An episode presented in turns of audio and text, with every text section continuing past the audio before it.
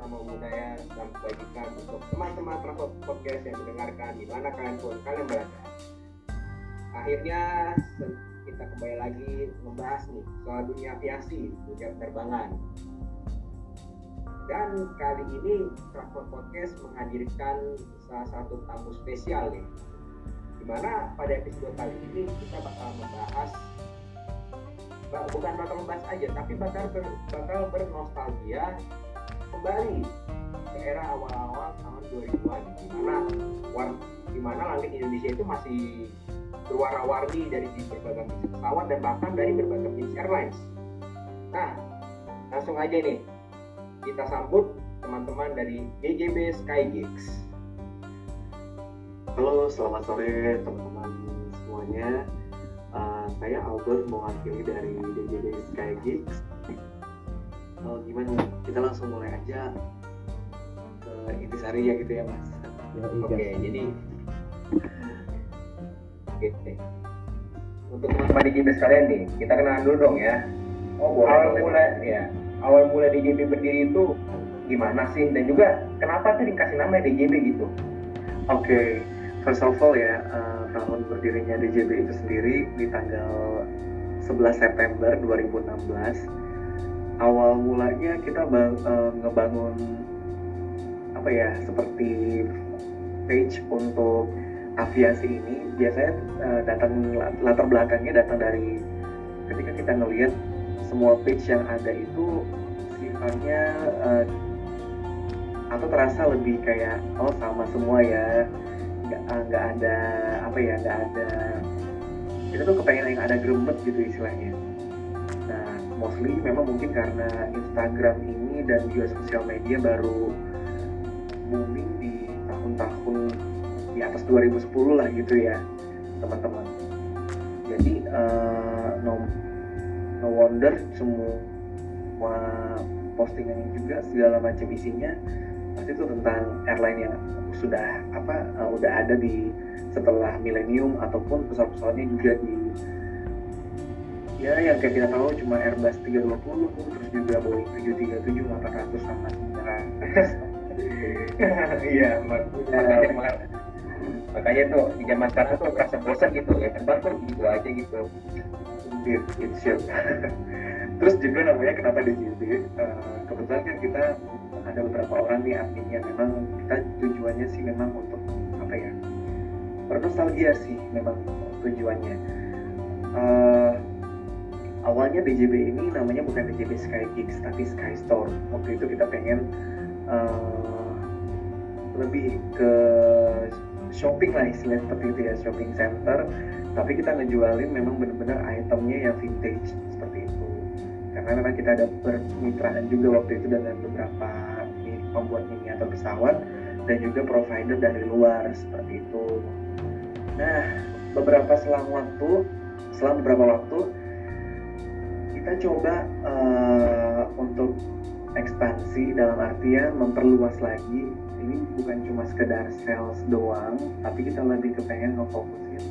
Yuk, bareng-bareng kita semua kita gali lagi nih romantisme aviasi di awal-awal tahun 2000 bahkan 80 dan 90-an seperti itu. Wah berarti jadi sekalian apa sekalian menjual menjual apa ya uh, some of vintage memory iya yeah, vintage Mercedes gitu ya. Itu aviation aviation stuff lah jadi nanti lebih ke vintage nya tapi sekarang udah kita pisah tuh. Jadi untuk uh, shopnya kita punya ide sendiri memang DJB Sky Geeks ini akan berfokus hanya untuk uh, page benar-benar tentang ngebahas airline-airline baik vintage uh, di millennium dan juga yang saat sekarang. Wow, keren ya, keren keren. Ini Nok, ibarat kalau di kereta apa Nok? RF prasejarah ya Nok? Waduh, iya, RF prasejarah sih. Harus nah, dong. Iya. Nah, terus nih, kenapa tuh dinamain DJB gitu? oh oke okay. kita kelewat dari apa namanya ya oke okay. yeah. uh, sebenarnya kita semua berangkat atau originnya dari Jambi walaupun ber berlatar belakang yang berbeda-beda seperti saya memang punya darah Manado dan juga uh, Sumatera tapi besarnya di Jambi. Dan kita uh, menghabiskan waktu untuk spending time melihat-lihat pesawat itu waktu tahun 2003 sampai dengan 2007 itu memang kebanyakan di Jambi seperti itu. Di Sultan Taha ya bandara Sultan Taha betul betul ya karena internet nggak seperti sekarang ya guys. Jadi kalau misalnya kita pengen lihat pesawat memang benar-benar mesti mantengin di airport duduk di tangga pesawat sampai benar-benar tahu jadwal pesawat itu datang jam berapa. Saking gilanya gitu. Sama kayak sama kayak saya dulu waktu ya agak nostalgia dikit lah zaman zaman SD gitu. Di mana yang namanya anjungan pengantar bandara Soekarno Hatta itu adalah semacam perdes gitu.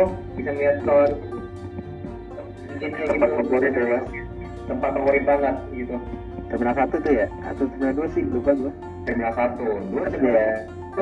tahu gua ada sih cuman tahu gua ada sih cuman setelah itu tidak ada diganti sama hotel gitu. Kayaknya mas masih ada sih mas. Cuma memang ditutup ya nggak bisa apalagi nggak bisa naik ke atas iya. Lupa itu udah jadi daerah perkantoran gitu apa kasih hotel gitu masalah iya sih di belakangnya ya. Iya. Oke okay. gimana nih? Jadi penamaannya gitu ya guys. Jadi semua karena api-apinya indah Jambi dan memang ya kita dapat uh, sense aviasi dari Jambi makanya kita namain BJB harusnya sih Delta Juliet Bravo cuma untuk ya lebih pasti dikit kita panjangin lah BJB kayak gitu ya. BJB itu singkatannya Surataha ya BJB itu singkatan dari three letter code-nya Jambi karena oh iya iya iya Oke, pakai Jambi, BJB. Walaupun notabene bukan di Jambi lagi, ini udah pada nyebar gitu ya kan. Oh, berarti gimana sih? Mas Albert di mana sekarang tinggalnya? Oh, kalau saya di Jakarta kebetulan. Oh, Jakarta. Kebetulan masih di Jambi, ya satunya lagi sudah di Padang. Oh, oh oke. Okay. Pada nyebar ya. Ya. Hebat loh, bisa solid begitu. Walaupun jauh. Karena gini mas, uh, sebenarnya kita kenapa solid gitu? Uh, dulu tuh kita selalu janjian. Saya dulu, uh, saya memang waktu sekolah, sekitar 2000-an ya jadi uh, misalkan kita setiap hari Jumat misalnya kita janjian tuh setiap hari Jumat ke bandara after school school hour atau school day gitu ya kan jam satu tuh kita bareng-bareng ke airport. Itu kita lakukan selama satu setengah tahun bayangin. Wah asik banget itu mantapin pesawat kali itu sendiri ya. Yang masih titik lampunya kelihatan tuh udah tahu ini jam segini jam ayo landing. Oh aja gitu. Ya makanya jadi nostalgia lah uh, banyaknya airline zaman dulu tuh ya. Macam-macam kita bisa tahu jadi gak cuma ya monoton kayak sekarang ya mas. Iya benar. Monoton jadinya itu itu aja gitu kan. Iya jadi kesannya kayak apa bukan ya istilahnya kalau dalam bahasa kita tuh kayak jiwa kompetisinya tuh udah gak ada lagi gitu. Hmm berbentuknya nggak ada gitu. Hmm. kampung ya. Iya ya emang bener sih kata Mas Albert sendiri. Bukan kompetisi lebih tepatnya sih lebih tepatnya ini khas lah gitu yes betul oke okay. kalau sekarang nah, tuh kalau sekarang tuh ini ya kelihatannya tuh kalau nggak biru merah hijau gitu ya nah ini uh, by the way juga nih aku mau nanya nih ya uh, kalau kita bicara tentang judul warna-warni uh, aspirasi zaman 2000-an nih ya kira-kira tuh di di mata teman-teman nih di mata Mas Abad dan teman-teman DJP nih ya. Itu apa sih yang terlintas tuh tentang uh, dunia aviasi di tahun tersebut gitu loh? Apa sih uh, kenangannya ataupun istimewaannya atau kurang lebihnya gitu? Boleh tahu nggak Oke, okay. Kalau bagi kita dari DJD uh, dunia aviasi tahun 2000-an itu is everything. Kayaknya itu puncak-puncak mana benar kejayaan aviasi Indonesia ya. Even waktu itu kita masih usianya ya masih 10 tahun, uh, terus ya 11, 12 kayak gitu ya kan. Cuma salah satu dari kita uh, adminnya di GP memang uh, aktif berangkat juga mungkin waktu itu ikutin orang tua uh, dinas ke sana sini gitu ya mostly uh, kalau ditanya ditanya keunikan dan keistimewaannya apa sangat istimewa sekali karena memang benar-benar maskapai maskapai waktu 2000-an itu sangat atentif mereka baru kehilangan bangsa pasarnya. Hmm, iya.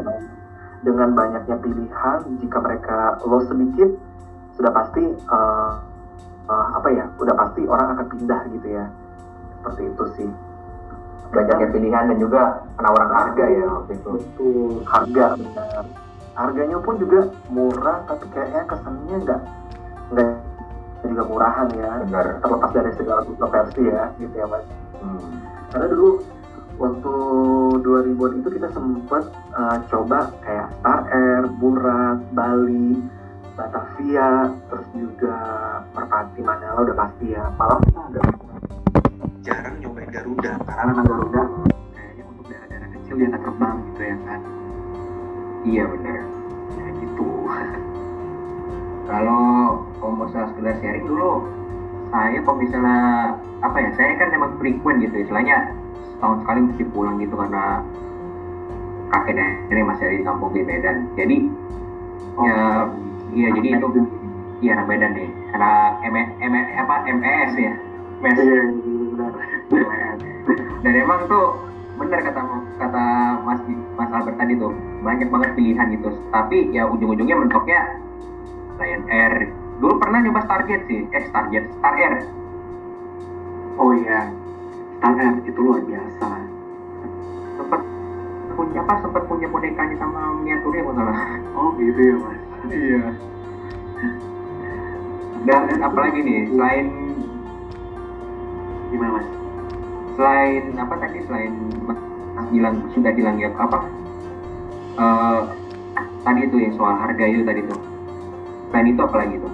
Selain itu, eh, aviasi tahun 2000-an itu menjadi eh, cambuk berkembangnya penerbangan Indonesia yang kita lihat sekarang. Contoh ya, kalau nggak ada maskapai-maskapai baru berlahiran waktu itu, nggak bakal tuh ada 737-900, terus 737-800, dan suasana aviasi yang memang benar-benar gagap gempita kayak sekarang. Itu hmm. buah hasil dari eh, meledaknya aviasi Indonesia di tahun 2000-an tersebut.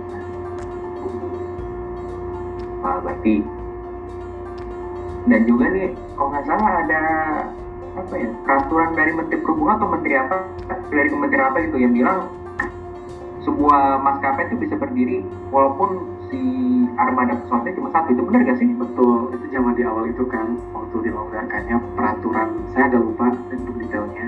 Ya jelas waktu itu ada pelonggaran peraturan dari uh, Kementerian Perhubungan uh, terkait pendirian maskapai baru. Nah, maskapai-maskapai itu cukup punya satu armada dan uh, modal uang berapa gitu untuk bisa terbang sebagai maskapai berjadwal al- berjadwal pengangkut penumpang. That's why akhirnya di tahun-tahun 2000 hingga dengan 2003 dan 2004 batchnya Adam Air dan terakhir 2004 kalau nggak salah. Nah itu banyak banget maskapai-maskapai baru berdiri. Lihat aja di tahun 2000 ada Star Air, Jatayu, Indonesian Air, terus uh, Bayu Air, Restart, ada lagi Express Air dengan yang masih logonya X waktu itu. Iya. terus kan tahun-tahun berikutnya Bali Air di rebranding terus ada lagi Batavia begitu gitu sampai ke tahun 2004 Adam Air terus ada lagi waktu itu kalau nggak salah Air Evata sama Top Air deh Oh iya, Air Fatam atau Air yang untuk basic apa base pelayanannya di itu ya di apa di tipe Indonesia ya. betul Sama kalau nggak salah bahkan BUMD apa bahkan ada airline berbase-nya BUMD kalau nggak salah ya kayak Riau gitu. Riau Airlines betul betul Oh iya, ada tuh ya. Baru tahu. Iya, Riau Riau Riau Airlines tuh itu salah satu airlines yang betul betul salah satu base di daerah dan kepemilikan BUMD dan bisa dibilang si Riau Airlines itu juga fastest growing airline sih di Indonesia Oke. Berarti zaman dulu memang banyak banget ya apa eh, pesawat-pesawat tuh ya dan ya aku pengen nanya nih sampai sekarang sih aku nggak tahu ya nggak terlalu tahu soal uh, aviasi gitu tapi uh, mau tahunya tuh gini sih mas. Kenapa sih bisa hilang semua gitu loh? Emang gara-gara apa sih? Mungkin uh, ada yang sedikit eksplisit atau gimana gitu. Kira-kira oh penjelasannya gimana sih gitu? Aku tuh mau tahu aja gitu loh. Oke okay. boleh boleh. Ini kita coba jawab dari kacamata DJB dulu ya siap siap siap. Nah, kita jangan yang terlalu dalam kalau ngurusin politik ya mas. Kita yang ngomongnya iya nah, gitu. bolehnya aja gitu ya. Memang emang kalau di dalamin sih lebih ke arah ya nanti kebijakan publiknya dan politik politik lainnya. Betul. Mungkin hal ini kejadiannya uh, terjadi karena uh, adanya perubahan peraturan dari pemerintah. Pada saat itu yang maskapai cuma bisa punya satu pesawat uh, tiba-tiba di tahun 2006 atau 2007 kalau nggak salah langsung maskapai itu di diminta untuk punya pesawat minimal 5 itu pun kepemilikan sendiri. Karena mungkin dilihat waktu itu memang uh, banyak maskapai tapi ini maksudnya di tahun 2000-an awal itu ya maskapainya banyak. Tapi trouble juga banyak. Salah satunya adalah itu tadi delay yang memang benar-benar nggak bisa dibendung karena mungkin mereka cuma punya satu pesawat nih. Ketika pesawatnya rusak ya no option di cancel yeah. atau mereka mundur-mundur terus akhirnya nggak bisa terbang sama sekali di cancel. Itu memang ada kejadian. Contoh misalnya dulu Bali Air ya. Bali Air itu pesawatnya waktu di awal-awal terbang kita ingat banget dia belum ada jet livery waktu itu pesawatnya masih putih polos. Ada dua uh, itu kalau nggak salah waktu terbang dari Jakarta ke Jambi. Nah itu pesawatnya uh, awalnya kendala cuaca. Terus diperpanjang lah istilahnya delaynya sampai dengan jam 4 sore yang harusnya berangkatnya jam 11 itu akhirnya dipindahin ke Mandala Airlines. Karena mungkin uh, mungkin alasannya karena satu terminal ya dulu sama-sama bisa C akhirnya dipindahin ke situ. Kita kita semua pakai tiket Bali Air tapi kita penerbangan pakai Mandala gitu terus juga uh, mungkin alasannya dari hal tersebut dan juga mungkin ada uh, potensi untuk menimbulkan kompetisi yang tidak sehat mungkin ya seperti itu. Oh, perang tarif udah pasti nggak bisa dihindari waktu itu. Kita lihat aja sekali jalan untuk penerbangan satu jam itu harganya mulai dari 100 ribu sampai dengan 300 ribu dan yang benar-benar murah banget. Jadi kita kadang pakai logika ini gimana biaya apa ya maintenance-nya ini segala macam saya kita kan kalian paham begitu ya, gitu ya. betul. dan bahkan kalau nggak salah di di masa-masa tersebut juga bisa dibilang ada satu airlines yang bisa dibilang jenggo gitu istilahnya. Pakai pesawat-pesawat tua. Oh. Oh iya. Betul. Mostly sih sebenarnya sebenarnya sih pesawat itu kalau misalkan uh, rutin di masuk hanggar misalnya kayak dicek uh, sampai dicek dia kan bisa balik ke zero lagi umurnya gitu ya cuma tergantung maintenance-nya gimana Nah, mostly waktu di tahun itu, lihat deh, semua maskapai yang terbang pasti pakai tujuh tiga tujuh dua ratus. Iya. Karena iya, benar kalau SD delapan dua mm-hmm. atau tujuh dua tujuh yang terakhir.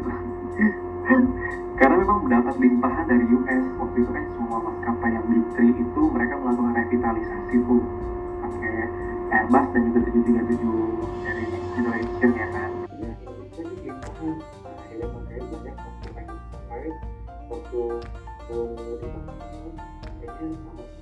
beda baju tapi semua ada yang sama iya iya makanya sering banget tuh kan uh, banyak kan sih zaman dulu tuh. Kalau aku inget-inget zaman waktu kecil ya 2006an 2005 tuh.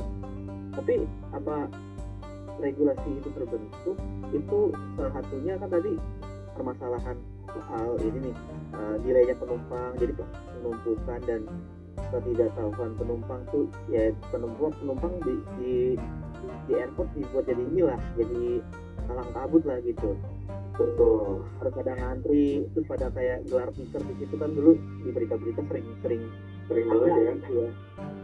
Itu kan betul betul. kan jadi kayak sebuah, ada sebuah kata kerugian gitu di suatu kacamata tertentu gitu ya. Terus apa juga karena yang aku ingat-ingat di zaman waktu kecil ya itu kayak ada air kecelakaan ada beberapa kecelakaan lainnya gitu tuh Garuda. lumayan lumayan sering ya yang top ya lumayan Iya. sering. betul emang yang paling yang paling parah sendiri emang di masa-masa tersebut ya ada Air waktu itu di Iya. lapangan Juanda Juanda Makassar gitu sama mungkin kalau misalnya tahu apa, Laura Lazarus penulis dan motivator kenapa tuh ya apa ya kalau dia salah satu NA nya Wings ya waktu itu kecelakaan di, di koreksi ya lupa gitu di daerah Jawa gitu waktu itu pakai armadanya masih pakai armada MD bener nggak mas? Oke, bener mas. Si Laura Lazarus ya, Mbak Laura ya. Dia itu krunya Lion Air yang yang pesawatnya itu apa eh, mendarat eh, lewat lah istilahnya gitu, lupa apa istilahnya. Overrun ya, overrun benar overrun. Itu pun overrunnya stopnya di kuburan. Nah dia kan ada temennya yang meninggal dua kalau dia itu. Tuh. Nah terus juga eh, dia memang jadi motivator ya sekarang ya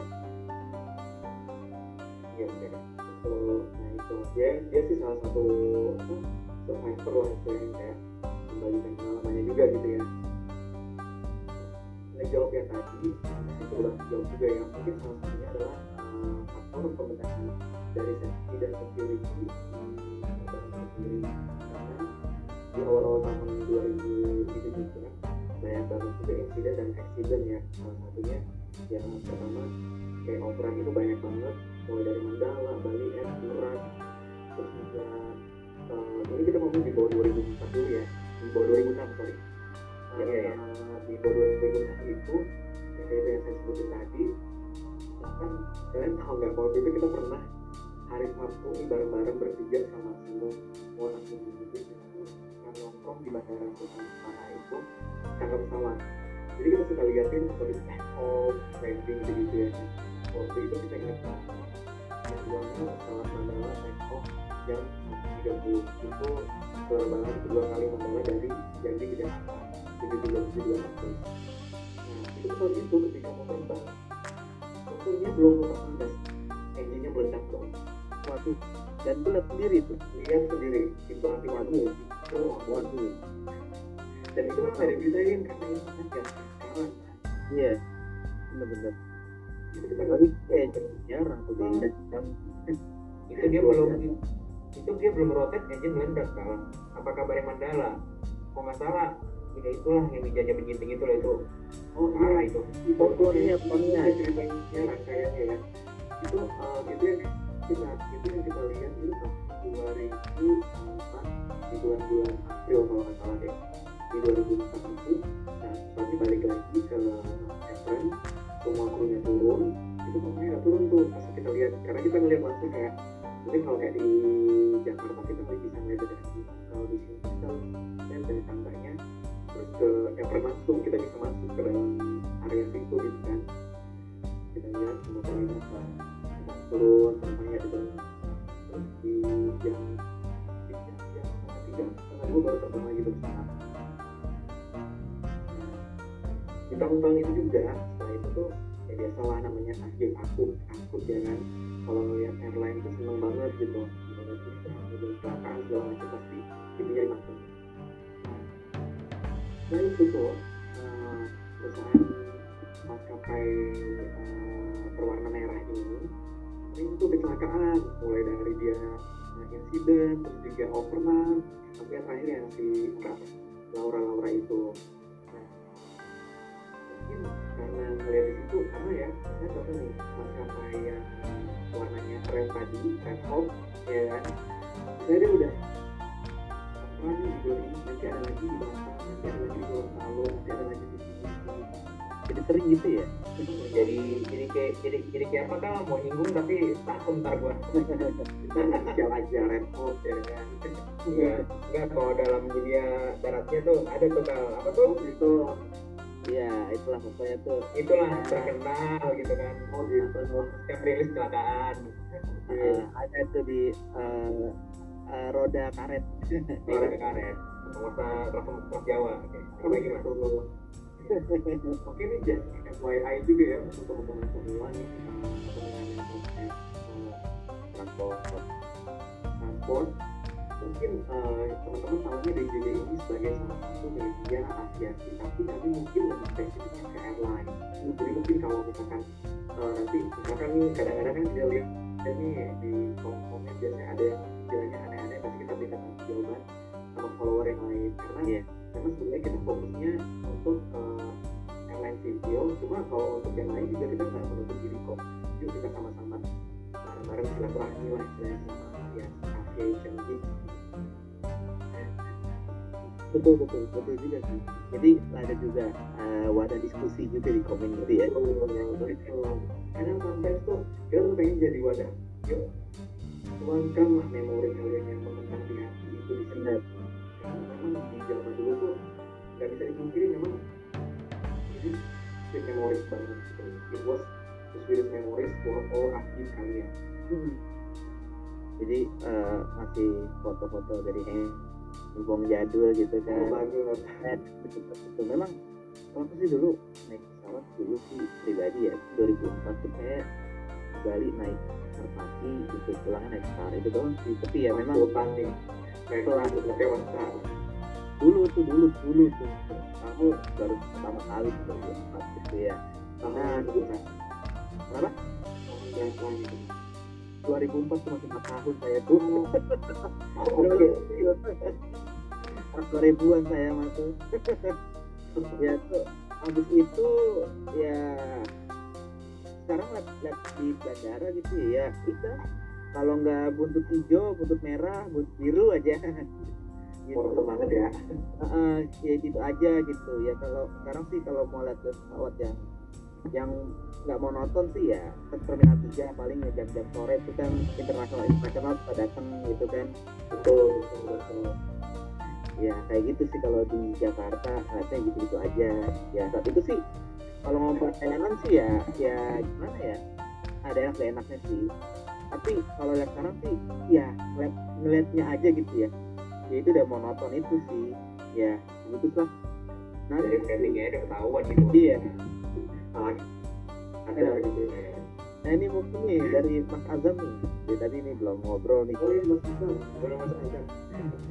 Kan saya mau kurangnya edit. Oke deh. Ngobrol aja ya. Uh, kan bisa dibilang itu pada waktu tersebut pada tahun ya durasi tahun tersebut uh, bikin maskapai itu saya gampang banget lah ya. Nah, bahkan kayak satu pesawat itu udah bisa buka buka rute sendiri kan.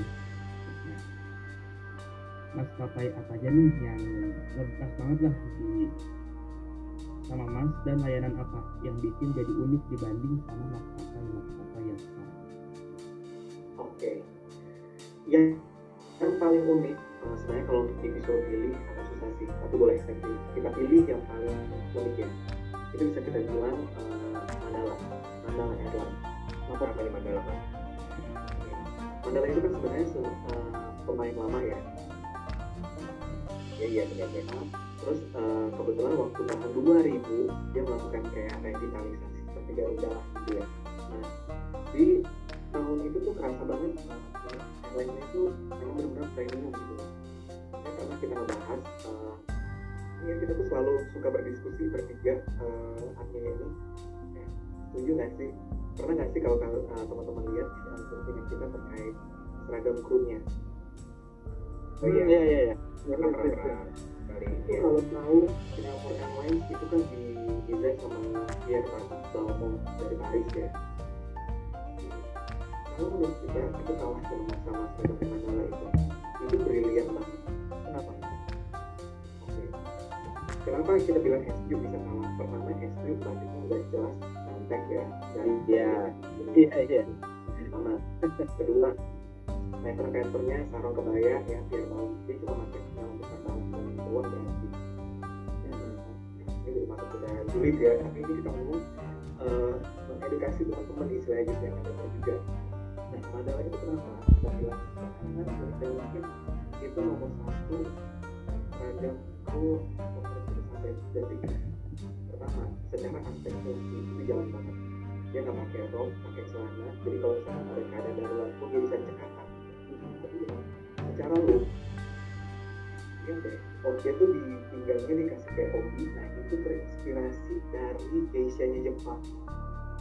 oke oke Itu kita tuh kayak waktu kita on board di Mandala itu kita nanya, Mbak itu tuh apa ya di di di banget. Oh iya ini didesain sama aduh saya lupa nama desainnya kalau nggak salah. Oh, nama saya lupa namanya. Pokoknya oh, oh jadi di, di ini lebih kita lebih proud to be Indonesian ini bener jadi maksudnya kayak perlu yang berkebaya tapi yang sama satu mau standing film di tuh mereka itu itu berarti uh, look ya karena lu mewakili brand identity. Iya brandingnya si uh, maskapai tersebut gitu ya. So, itu bagus banget. Karena memang mereka punya akhirnya si mbak ini mungkin mbak yang waktu ngobrol sama saya itu saya kalau nggak salah namanya ingatnya Reni FW deh. Reni FW itu kita dapat gift card itu kita dapat gift karena setelah terima lapor biasa liburannya. karena aku kita ngobrol dulu nih masalah yang itu secara secara aspek kursi Adam itu pas banget terus juga pas casting kayak kelihatan ribet ini juga posting segala macem pokoknya keren dilihatnya keren banget uniknya kenapa kita pilih Mandala jadi Mandala itu dulu punya program dari tahun 2000 sampai dengan 2000 nah, sebelum dia rebranding ya jadi yang warna putih Iya. itu ada Tiger bukan belum sebelum Mandala Tiger itu kayaknya Mandala Mandala Kartu oke Mandala yang Mandala yang masih apa ya ekornya masih logo cakra apa Mandala yang apa liverynya udah nyaru sama warna goldnya itu ya ya? Mandala yang Mandala yang livery yang pakai airbus yang warna putih semua itu. Oh iya, iya. oh itu tadi dulu ya. Itu Nah, jadi mereka punya program setiap anak-anak yang terbang itu bisa foto di kokpit. Wah, itu tuh Nah kita ini kan karena dulu tuh handphone nggak secanggih sekarang, jadi kalau misalnya dulu masuk foto udah kayak gila, lupa apa pun, ya udah nggak bisa mendokumentasikan apa aja, jadi kayak kenal ngeliat itu ya kan. Apalagi dapatnya si sayang pula. Itu dia. ya itu itu tidak aman itu Tidak aman emang film. Itu kalau adalah terus juga mereka punya yang namanya bisnis class. Bisnis classnya ini adalah eh, sebenarnya kayak mereka tuh kayak lebih ada bisa dikatakan bisnis class dan juga ekonomi premium. Kalau nggak salah waktu itu kita terbang bareng naik Mandala ini tentunya bisnis itu dijadiin ekonomi premium. Jadi penumpang yang duduk di situ dilayani dengan layanan bisnis tapi ya harganya affordable mereka mengenal mam eh, dulu gitu. Terus penting kalau sekarang kayak kayak gimana ya? Kayak Royal Green kali ya.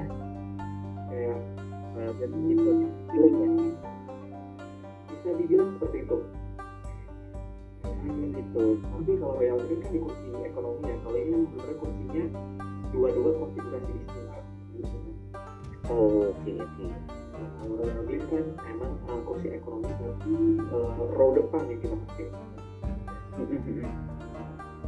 Itu sih uniknya terus juga mereka juga nge-serving permen terus juga uh, makanan dan minuman dan yang paling uniknya kenapa saya kita pilih Mandala Kru Mandala itu paling jelas dalam apa dalam versi demo. Dia menjelaskannya dengan kata-kata artikulasi jelas bukan kayak kalau saya ini pengalaman Hmm. kan, eh, beberapa dari kita ada juga platinum membershipnya DWP ini gitu ya.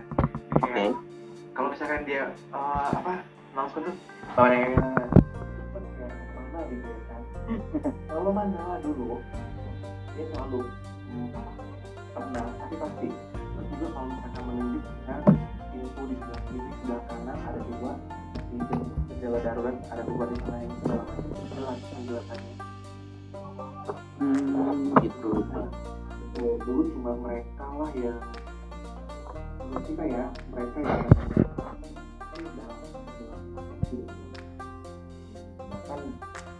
senang walaupun yang namanya take off time itu deket banget gitu kayak pengalaman pengalaman nih waktu apa pengalaman saya nih sebagai pernah mencicipi kejayaan-kejayanya Polonia gitu kan. Wah, itu kita pesawat mundur Polonia. start udah. Polonia banyak banget kan. gimana mas? Gimana?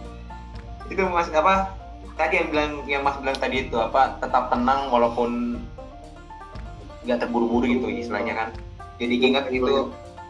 jadi ingat dulu apa pokoknya naik maskapai apa gitu. Jadi rasanya kayak terburu-buru gitu apa? Waktu di Polonia yang namanya Polonia itu kan pendek ya? pendek banget taxiway-nya. Iya. Gitu. Jadi seakan akan keburu-buru gitu yang namanya demonya gitu aja. Iya ngepasin ngepasin timingnya bingung ya? Bahkan pun baru tutup pintu langsung safety demo gitu jadi pas mundur safety apa pas mundur juga langsung diperagain gitu. Iya iya iya. Nah eh, terus selain Mandala nih apalagi nih Mas Albert nih? Menurut pendapatnya Mas Albert? Oke jadi kita top listin gitu ya. Iya itu tuh nomor satu tuh itu tadi kan. Nomor satu of course Mandala ya. No debat istilah gitu kalau bagi kita. Kan Iya. referensi beda-beda. Iya iya. Gitu. karena memang benar-benar unik sekali dan juga uh, sorry to say uh, kru Mandala ini juga yang mengangkat istilahnya kayak derajat pramugari gitu loh. Oh ya uh, istilah karir sebagai pramugari itu booming banget waktu itu gara-gara Mandala dan juga uh, Burak tapi Mandala yang lebih gaung lah. Kenapa? Anak-anak jenderal pasti pada jadi pramugari semua. Oh iya. Maka kita oh lihat iya tuh, karena karena Mandala sendiri kan emang awal mulanya kan dari Purnawirawan TNI. AU ya TNI militer ya. Heeh. barengan sama Kartika masalah ya? Kartika juga militer juga sih backgroundnya. Kartika bukan bukan. Kartika itu dari swasta. Oh soalnya pengusaha asuransi kalau nggak salah deh. Oh soalnya oh, oh ya udah. Soalnya pernah nih baca di satu majalah. Oh gitu. Menyinggung kalau Kartika itu apa masih ada bobo militernya. Karena kan Kartika Kapaksi gitu kan oh gitu. Bener-bener bisa jadi ya. Bisa jadi gitu. Iya. Jadi maksudnya agak dulu sekarang nih kalau kita ngeliat sekarang tuh agak sedih sih dengan kayak satu profesi itu kayak dianggap gimana gitu karena segelintir orang gitu ya kan. Tapi satu hal yang mengenal waktu itu di Mandala itu itu sih berhasil nih. Perusahaan ini selain membangun branding dan juga membangun personality dari satu satu dua profesi seperti itu kayak oh gue memang gue pramugari tapi gue bukan istilah kayak gini ya bahasa slangnya. Iya. gue pramugari memang tapi gue bukan bambu lo mohon maaf lo nggak bisa ngelecehkin gue. Hmm, Kayak gitu. Iya iya iya. Vitality-nya jalan tapi pride dan dignity-nya juga ada. Ngerti ngerti. That's why we give Mandala in the top list. Kalau second listnya apa nih kalau boleh tahu second list nyusul ya. Burak nomor 2 Oke. nomor 3 Star Air Star Air. nomor 4 tuh Batavia Batavia nomor 5 Bali Air nomor 6 Merpati nomor 7 Garuda udah pasti. Oke. Oke. Dan seterusnya lah. Aku tuh lagi, malah belum tahu burak loh. Belum tahu. Burak itu sangat unik juga tuh. Bener-bener apa tuh eh banyak itu ya Human relationnya bagus. Hmm. perlakuan ke customernya tuh macem-macem dan itu bikin ya bikin sekarang tuh mengenang banget sih gitu. Kalau dulu, dulu kan emang jatuhnya itu kan modal bisnis mereka gitu ya. Betul. Modal bisnis mereka gitu. Tapi ya gimana ya? Kan kayak sekarang tuh ya kalau ngomongin layanan ya udah cuman maaf aja nih kayak cuman datang duduk terbang selesai gitu loh. Betul betul. Dulu tuh dulu tuh ya maskapai kecintaan kita nih pernah pernah mengulang uh, suksesinya si Burak itu. Iya. itulah di tahun 2009 sampai dengan 2014 di bawah bapak yang sekarang lagi di Prodeo gitu kan. Tapi kita menyampingkan kasusnya kita lihat prestasinya. Maskapai kita akhirnya bisa bisa memang benar-benar istilahnya menganggap konsumen itu memang benar-benar sebagai sesuatu yang memang kebayang waktu setiap kita ke ticketing salesnya pasti setiap hari ada tuh hari-hari khusus contoh misalkan hari Sabtu saya waktu itu bawa ponakan saya eh, dikasih balon terus dikasih main-mainan sama dikasih permen hal kecil sih tapi impactnya sangat besar bagi ke kita sebagai konsumen nah sekarang nih inti bahasan core of the core-nya nih Asik. ngomongin soal pesawat nih. Boleh, boleh. Mulai nih. Tadi kan ngomong pelayanan tadi tuh. Iya. Iya dong. Biar semua terangkum gitu ya Mas ya. Asik. Oke. Buat teman-teman DJB sendiri, wakilnya Mas Albert. Di tahun-tahun tersebut tuh pesawat kan banyak banget jenisnya. Ada yang kalau nggak salah apa ada 727, 737, HS 748, Vickers is ini ya, ini ini ya. Ya, terus ada McDonnell Douglas dan segala macam ya. Nah, sekarang nah yang mau saya tanya nih, yang jadi favorit banget pada JBS kayak gitu apa? Udah pasti 737 200 ya. Roda 4 ya. Kenapa tuh? Kenapa tuh? Gue nggak mau jelasin nih. mungkin, mungkin karena gini ya, eh, mungkin ya ini mungkin lebih ke emosional nih. Karena eh, secara tidak langsung, bukan secara tidak langsung, memang secara langsung kita selalu disuguhin pesawatnya itu, even memakai maskapai A, B, C, D, pasti pesawatnya sama itu. Terus juga eh, pesawat ini punya keunikan sendiri. Ini eh, DJB Skymix ini bukan orang mekanik ya, tapi ketika melihat uh, bentuk pesawatnya tuh kayak oh oke ini keren nih up tapi lucu gitu gemoy lah istilahnya gitu ya Iya, gemoy-gemoy ini mukanya agak sangar gitu ya. nah kalau istilahnya kalau kita tuh iya bisa kayak kalau misalnya kita duduk-duduk tuh diajakin kayak ya minum spirit lah kalau misalkan naik si tujuh tiga tujuh dua ratus ini gitu ya kan. Belum lagi ketika landing uh, engine-nya itu selalu kayak ngebuka itu tuh keren banget. Nah, Ah, aduh, pikir banget itu apa? Si bisa masuk apa mode reverse thrust-nya itu dia nutup belakang nggak kayak nggak kayak apa nggak kayak mesin-mesin yang sekarang yang gimana bukanya buka samping gitu kan. Betul banget betul banget. Itu keren banget sih kata karun banget nah habis U37200 nih apa nih? Eh, dulu ya pasti MD82 setelah Iya. itu 727 dan HS yang punyanya Bali Air kita udah pernah coba. HS 748 bukan? 748 itu kayaknya waktu itu tahun-tahun terakhirnya Bali Air kita terbang dari Jakarta ke Ketapang pakai pesawat itu.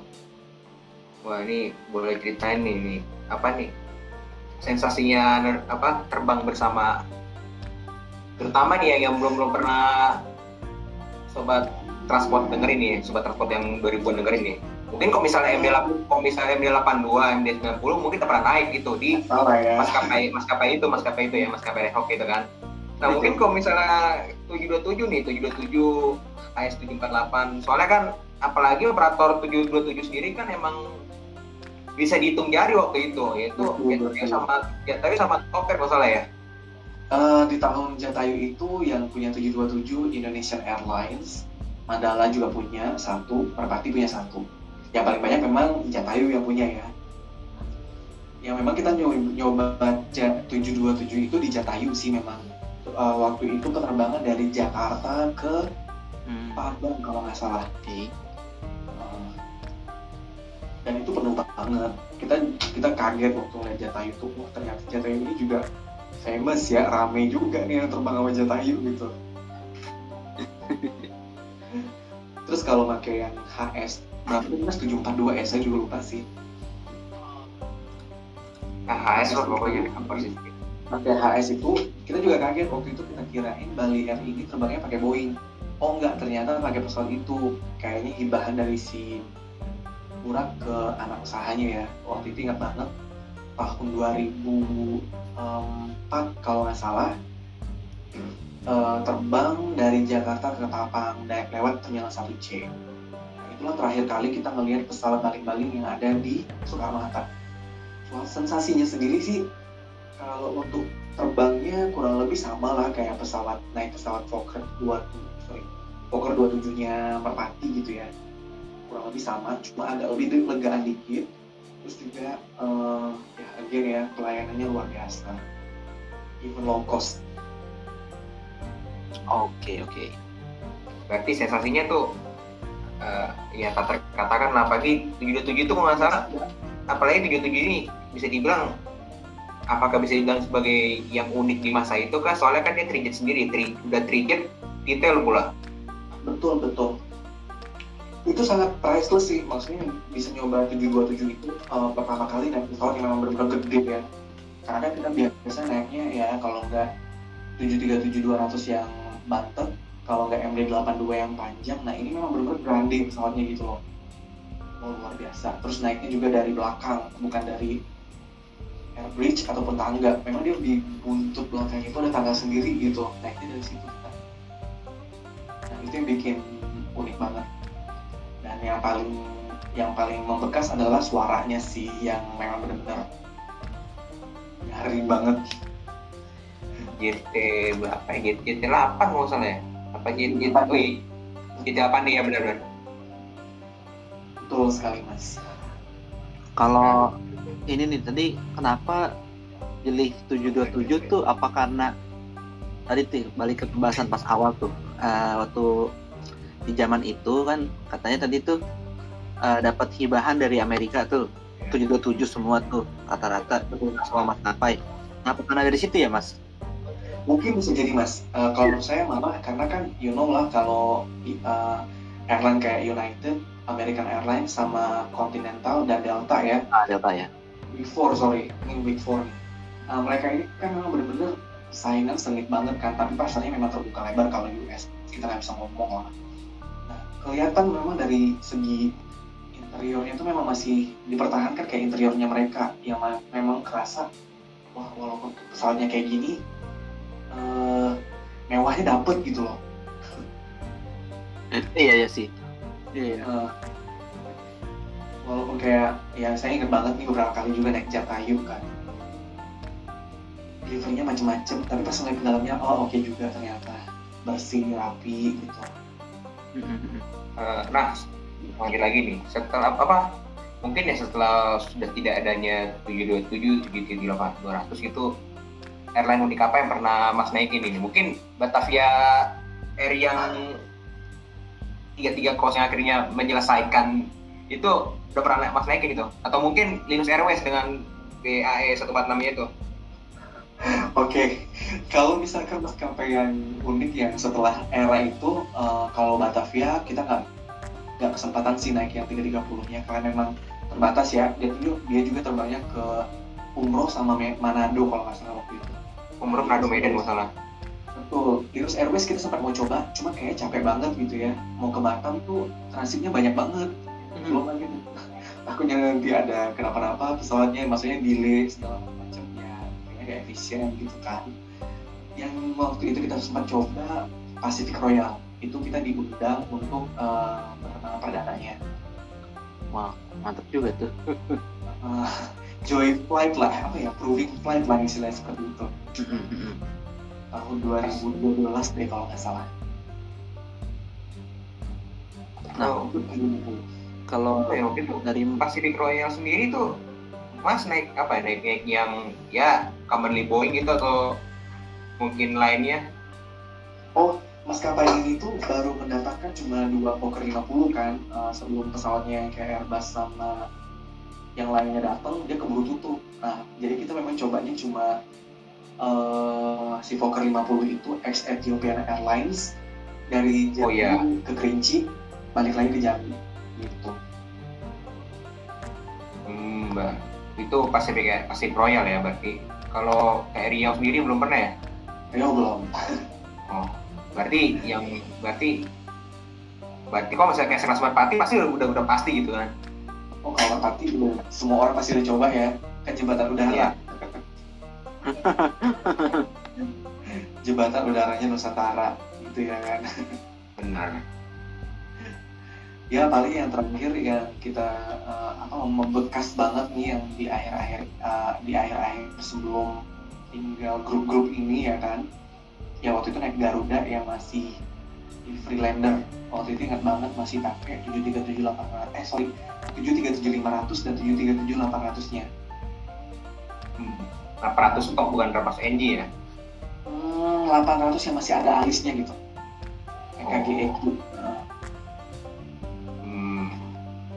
Kerasa Oke. banget hmm, suasana Garuda yang memang banyak pakem, oh kerasa banget di situ. Kursinya warna biru, em, ya berasa kayak kita tuh kalau terbang berasa bareng-bareng sama pejabat gitu ya kan. Kalau ngeliat sekarang gimana nih Airbus yang neo neo ini nih?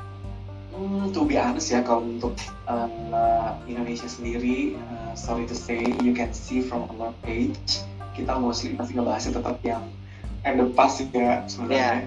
Karena pengen mem- mem- mem- mem- apa apa ya kayak mendorong anak-anak generasi sekarang. Biar menarik pembelajaran dari aviasi masa lalu gitu.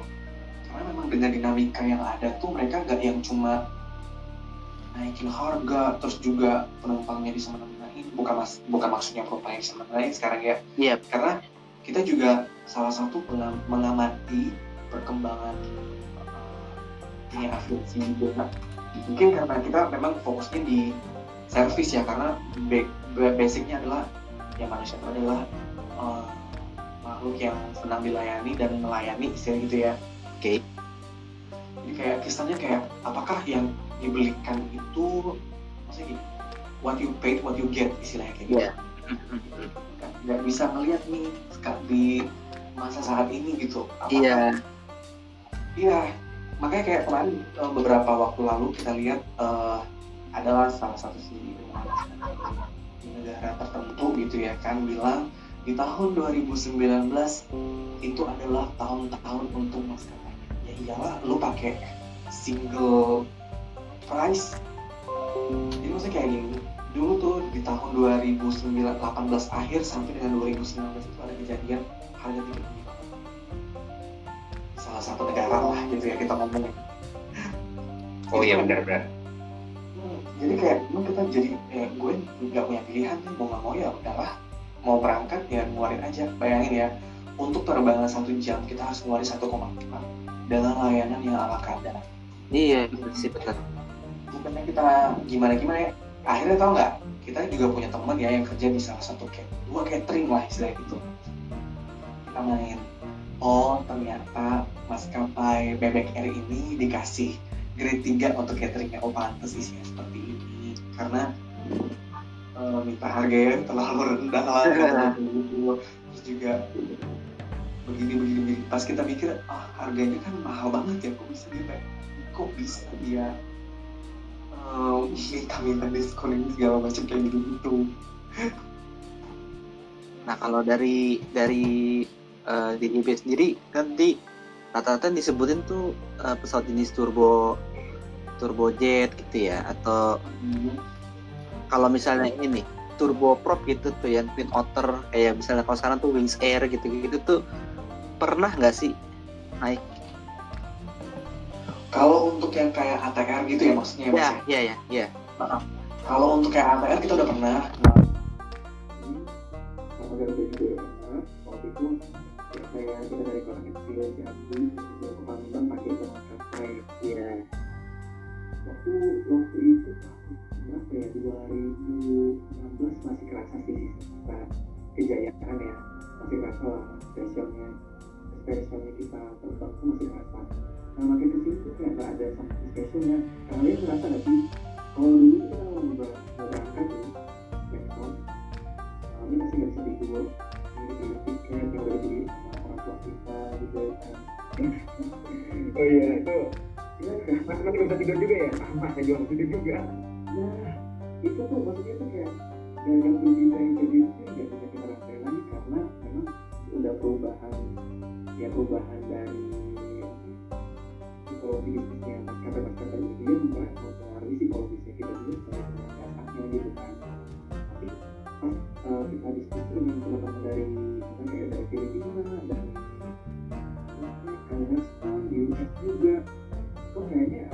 berbeda ya. Mereka masih ada suasana seperti itu. Misalkan contohnya kayak saya ngobrol sama yang di Korea Selatan ada kuliah sama residence di sana di salah satu di KDC nah ini lah kalau misalkan untuk uh, sense berangkat yang memang luar banget itu masih ada tapi yang catatan dulu kudu naik Virgin Atlantic atau British Airways sama Ryanair.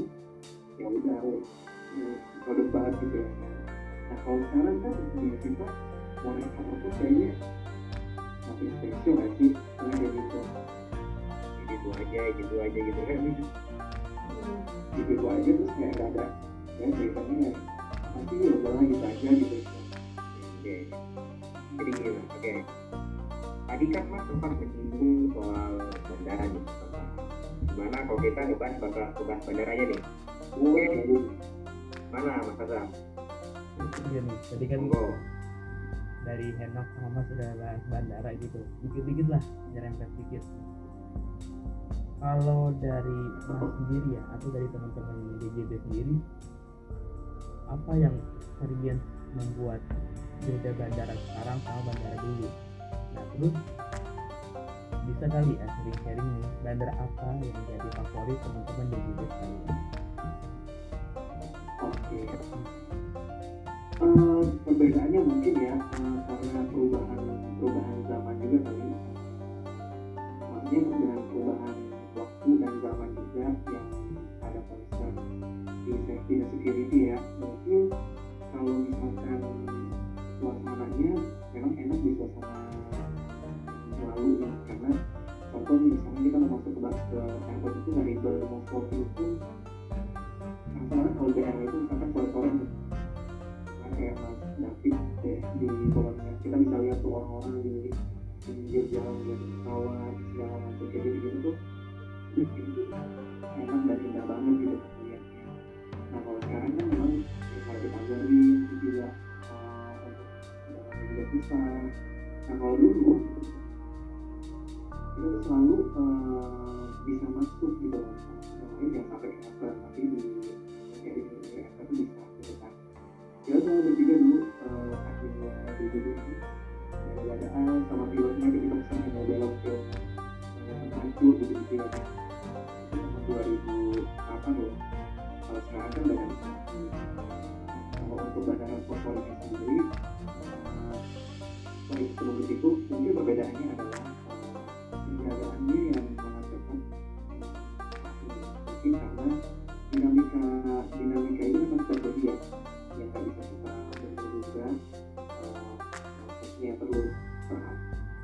prosesnya terus kalau kayak dulu kita bisa masuk seluasa mungkin kalau sekarang kan enggak. Terus juga kalau misalkan kita mau masuk ke area dekat apron kalau sekarang udah pasti nggak bisa ya kan dulu gampang banget. Kalau untuk conference sendiri ban- bandara-bandara yang ada ya pasti fokus kita kalau misalkan dulu ya itu rata-rata udah pasti conference banget sih bisa melihat berbagai macam airline dengan berbagai macam baju dan juga ketika kita menuju eh, landasan pacu dari airline ke landasan pacu di terminal Kopi Soekarno maksudnya ini kita bisa melihat kayak kami lagi parkir kalau bus lagi parkir terus bus lagi parkir dan lain-lain. Banyak banget. Jadi mata tuh kayak di Wah iya benar sih. Ba- Banyak bajunya makin seru gitu, benar-benar mata. Terang langsung seger gitu kan. betul mas. Indonesia sebenarnya ya. Tapi nih, eh, ini waktu itu eh, si Mas Enok nih ya, Mas David tuh pernah ngomong tuh Polonia itu salah satu apa apa nok? Waktu itu nok yang sama sama itu bentor nok Nah, Polonia itu ada salah satu bandara di mana pesawat sama bentor harus saling baik. oh gitu kenapa tuh mas Karena kan Polonia kan tengah kota. Lagi kalau misalnya apa pasti itu kan kalau salah ada bundaran tuh itu Oh, pasti iya, sampai iya. dua meter. oh jadi ke situ ya dia mungkin kalau pulangnya tinggal koprol nyampe ya iya benar ya. Yang apa yang yang yang pernah itu bilang itu katanya itu apa? Kalau Polonia itu ya mereka nyampe gitu ke rumah ke rumah ke rumah saudara gitu langsung. makanya ya cuma kasihan tuh kalau yang tinggal di perumahan dekat Polonia jantungan dulu bener engine ya mas Oh iya, apalagi apa? Apalagi saya juga ngebayangin kalau misalnya apa kayak kejadiannya yang di Jamin Ginting gitu kan. ya betul betul betul banyak juga korbannya ya kan? Iya. Oh ya nih mas, Eh, aku tuh dulu tuh waktu kecil gitu ya, yang bikin nostalgia ada dunia aviasi di tahun 2000-an tuh ya itu tuh kalau kalian lihat sekarang tuh ya kan mesen tiket tuh online nih. Udah mudah lah. Kalau nggak di online Alfamart Indomaret gitu ya lokal segala macam gitu. Nah kalau dulu tuh kok kayak ada ini nih uh, agen gitu loh yang yang nyediain tiket kayak merpati yang bisa di ruangan tuh banyak tempel-tempelan pesawat terus ada uh, merchandise pesawat gitu loh. Betul itu sangat terkenal banget kayak banyak lumayan banyak lah gitu jual jual tiket ini tiket pesawat ini tiket pesawat ini gitu. Udah kayak ibarat kalau di darat tuh kayak agen bus gitu.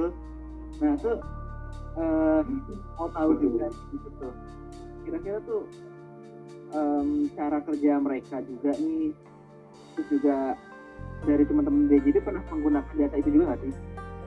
Oke, udah pasti kita sering menggunakan jasa travel agent itu ya mas Karena ya, dulu sebelum ada traveloka sama teman-teman yang ada kayak sekarang Opsinya Iya. mereka tuh sekarang kalau apa kita mau berangkat nih punya airline cover sendiri nunggu kalau misalkan lagi penuh gitu. Contoh eh, kita mau naik Star nih eh penuh ini segala macam. Oh nggak apa-apa kita tungguin di situ sambil kayak mas bilang tadi Iya. yang lainnya terus merchandise merchandise-nya Ya di dalamnya gitu tuh di dalam ruangannya tuh apal banget. Oh, betul mas, banyak banget ya stiker-stikernya ya. Karena itu yang bisa jadi memanjakan mata juga tuh. Kalau dulu apa ya eh, yang paling diinget gitu zaman zamannya setelah 2006an ini nih yang lagi istilahnya tuh lagi menata sebuah sistem baru gitu ya tuh suka ngeliat lewatin kantornya Lion Air gitu ya tuh suka rame orang tuh pada beli tiket di situ tuh sering banget Nah, itu sering dapat sering dapat highlight itu highlight juga dari media-media masa gitu kan tuh. Itu kayak sekarang tuh udah hilang gitu dengan segala kepraktisan tapi tuh membekas gitu. yang kayak gitu-gitu tuh membekas gitu loh kayak dulu tuh ada agen pesawat loh nggak kayak cuma agen bus doang gitu tuh eh, itu seru banget gitu karena banyak maskapai juga gitu Oke. Ya, agen aja kan. Tadi kan lu sempat nyinggung agen, ya mungkin lupa salah satu nih. Soal yang namanya on the spot di bandara tuh. oh iya Sekarang sekarang udah iklannya langka gitu, kan bukan langka lagi udah gak ada lah. Gosho gosho ya Iya. iya iya dan dulu juga ya dulu kan juga sebelum itu permasalahannya katanya calo calo terus kan ya kalau sekarang dilihat ya kanan juga sih gitu Gimana tanggapan dari Medium ini tentang udah menghilangnya Kalau tadi itu? Kalau misalkan, ini kita ngomong dulu apa ya sekarang nih?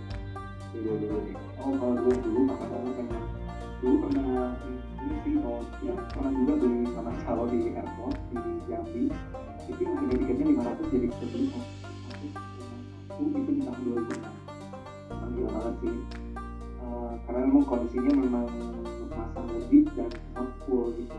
Mau gak mau. Dan itu memang benar-benar meresahkan sih Jadi ternyata kalau sendiri itu nggak hanya di terminal aja, tapi bandara dulu ada gitu. banyak banyak banget mas. Kadang tuh sometimes ya mereka kayak ya ini mereka ini penumpang ya ternyata mereka calon bawa bawa bawa ransel juga bawa bawa koper gitu. Gitu. Kalau sekarang sih untuk sistem brochure itu tadi masih ada cuma ya emang nggak seribet eh, di dulu kayak kemarin terakhir kita lihat di counternya Garuda yang di Terminal 3 masih bisa uh, proses tiket kalau kita belum punya tiket Jadi istilahnya ada, cuman ya nggak begitu banyak gitu istilahnya kan. oh betul banget Hmm.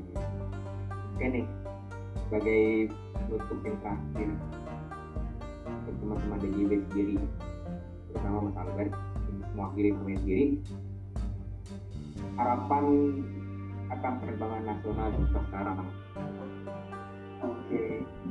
Eh, saya lupa uh, poin sedikit ya sebelum kita closing ya. Oh iya, lupa deh. kan Sebelum closing, mungkin sebelum closing nih, Mas Albert mungkin mau promosi gitu soal DJB Festival itu. ini saya kasih info sedikit ya. Eh, kemarin saya ada berbincang mungkin teman-teman tahu lah ini sangat terkenal sekali beliau itu ya sih uh, pengamat kenal dari zaman kita kecil dulu 2000-an masih kenal dia saya nggak bisa menyebutin namanya. Kemudian uh, ada dengan disahkannya omnibus law uh, baru-baru ini masih penerbangan juga sudah berubah. Nah mungkin kita bisa sama cari dan kita juga udah kemarin jadi maskapai itu kalau misalkan ada mau mendirikan maskapai baru nggak mesti pesawat lagi tapi cukup dua. Segar dong mudah-mudahan banyak lagi maskapai yang tumbuh ya.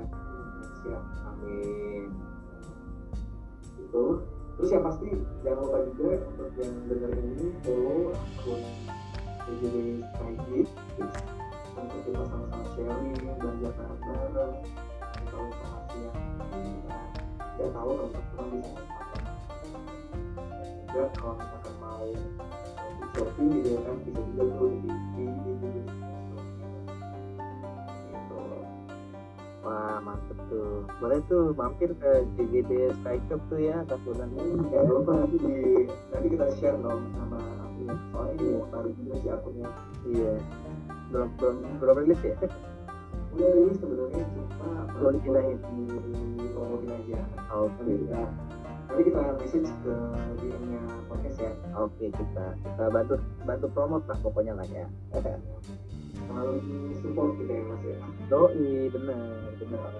kalau perlu nih kita mau bikin ini nih kalau harapannya kalau misalnya kita mau bertukar memori segala macam mungkin bisa diadain kayak rencananya sih di JB mau ngadain tuh kayak kita tuh kopdar kemarin tahun lalu nih sebelum pandemi ini melanda gitu ya kan Mm-mm. karena itu bisa seperti menggunakannya owner terus juga ada beberapa yang kayak punya kita yuk kita kumpul yuk tapi eh, benar-benar sama yang ini apa yang di banget gitu oh Iya. Iya poster. ini acaranya baru nih cuma karena nanti mungkin ini eh, yang kali ya cuman untuk kembali ke memori itu nanti akan ya, kayak dikasih apa merchandise berupa kayak misalkan nih mailboxnya memang benar-benar mailbox dari Star Air gitu yang warnanya Tosca gitu ya kan. Iya. jadi kayak benar-benar kerasa gitu Oke nih, eh, makasih banyak nih atas obrolan-obrolan serunya nih. Mungkin next time kita bisa collab lagi ya mas ya. tuh banget Gitu, gitu ya. transport podcast pokoknya jangan kapok ya sama di video sekali Akan terus akan terus dijejelin sama eh nostalgia. Will welcome wah Bahkan kalau mau sampai tahun 70 boleh gitu. ya Tua banget. Gue soalnya sebenarnya korespondensinya bakal banyak mas uh, yang penting kita informasikan aja jadi Oke nih kita tutup ya. Kita sudah semuanya. aku mas Masih banyak nih Mas Albert dari DJB. Semoga sukses selalu nih, Mas DJB. BTW kemarin ulang tahun berarti ya tanggal 11 ya, udah lima tahun loh. sekali udah gimana Hebat, hebat. Ya semoga eh, obrolan kita bermanfaat ya, yang dengerin dapat dapat ilmu juga, dapat ya dapat keseruannya kita juga. Oke, kita tutup ya. Assalamualaikum warahmatullahi wabarakatuh. Waalaikumsalam warahmatullahi wabarakatuh